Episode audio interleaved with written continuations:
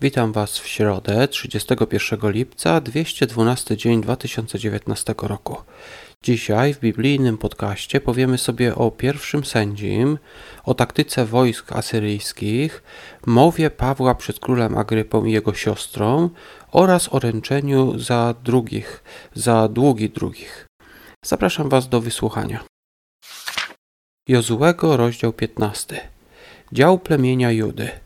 Dział przebiegał wzdłuż rzek oraz łańcuchów górskich. Tak więc, gdy w ostatnim wersecie jest wymieniona Jerozolima, to musimy pamiętać o tym, że była ona na górze, na granicy. I ta granica przebiegała pomiędzy plemionami Judy i Beniamina. Z kolei w wersecie 17 czytamy o pierwszym sędzim. Jozułego 15 rozdział, werset 17 Zdobył je Otniel, chodzi o miasto, zdobył je Otniel, syn Kenaza, brata Kaleba i ten dał mu za żonę swoją córkę Aksę. E, o Otnielu oczywiście przeczytamy więcej w Księdze Sędziów, gdzie będzie właśnie opisany on jako pierwszy e, sędzia. Księga Izajasza, rozdział 36. Król Asyrii zdobył miasta judzkie, w zasadzie wszystkie poza Jerozolimą, i teraz posłał swojego wysłannika, aby skłonił Jerozolimę do kapitulacji. I w Izajasza 36 rozdział, werset 13 czytamy. Stał więc Rapsak i wołał donośnym głosem po hebrajsku tymi słowy. Słuchajcie słów wielkiego króla, króla asyryjskiego. Asyryjczycy byli bardzo okrutni dla zdobytych miast, dla tych, które musieli zdobyć, ale dość łagodnie traktowali mieszkańców tych miast, które się poddały. Była to taka taktyka, która miała właśnie skłonić do poddania się. Tych, którzy walczyli do końca, bardzo okrutnie traktowano, zabijano ich w bardzo okrutny sposób, ale tych, którzy się sami poddali, traktowano łagodnie. W ten sposób skłaniano kolejne miasta do tego, aby się poddały i aby król asyryjski i jego żołnierze nie musieli tego robić.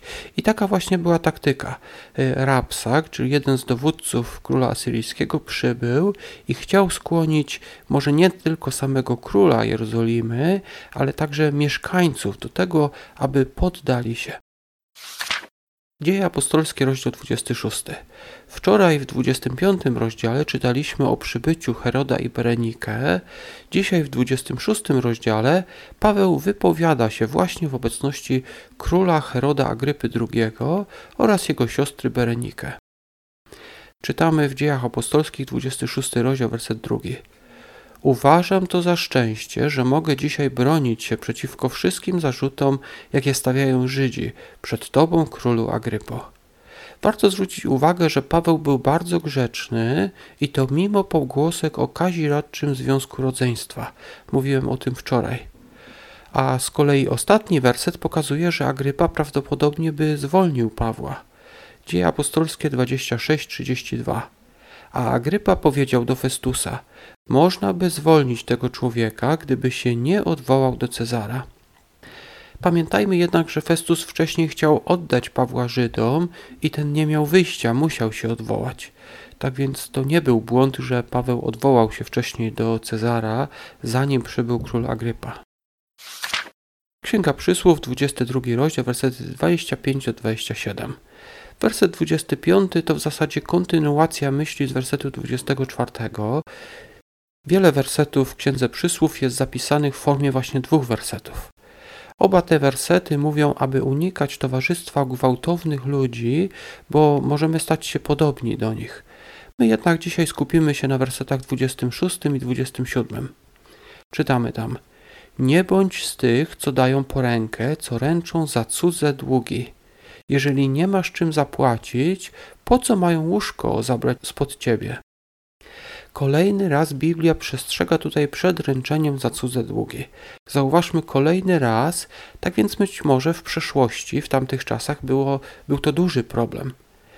Dawniej, w dawniejszych czasach zdarzało się, że ktoś mógł dosłownie stracić wszystko, nawet łóżko. Dzisiaj wprawdzie istnieją przepisy, które mówią, co wolno zabrać. Te przepisy chronią tych, którzy e, dali pożyczkę, albo tych, którzy ręczyli. Tak więc łóżka dzisiaj może nikt nie straci, ale można stracić samochód czy inne wartościowe ruchomości. Nie warto więc się zapożyczać, ale zobaczmy, jeszcze bardziej nie warto ręczyć za ludzi, którzy się zapożyczyli. Co szczególnie warto dzisiaj zapamiętać? Apostoł Paweł był bardzo grzeczny wobec króla, o którym powszechnie mówiono, że żyje w kazirodczym związku ze swoją siostrą. Dlaczego tak było? Ja znajduję przynajmniej dwa powody. Po pierwsze, to były plotki, które niekoniecznie musiały być prawdziwe. Drugi powód jest taki, że chrześcijanie mają szanować władzę. Nakaz okazywania szacunku królom nie zawierał dodatku typu szanuj króla, który dobrze postępuje, ale po prostu y, czytamy w Biblii szanuj króla. Oczywiście jest to szacunek dla stanowiska, które ktoś piastuje. Ten szacunek nie oznacza przyzwolenia na złe rzeczy, które robi dana osoba. Na dzisiaj to wszystko. Do usłyszenia jutro.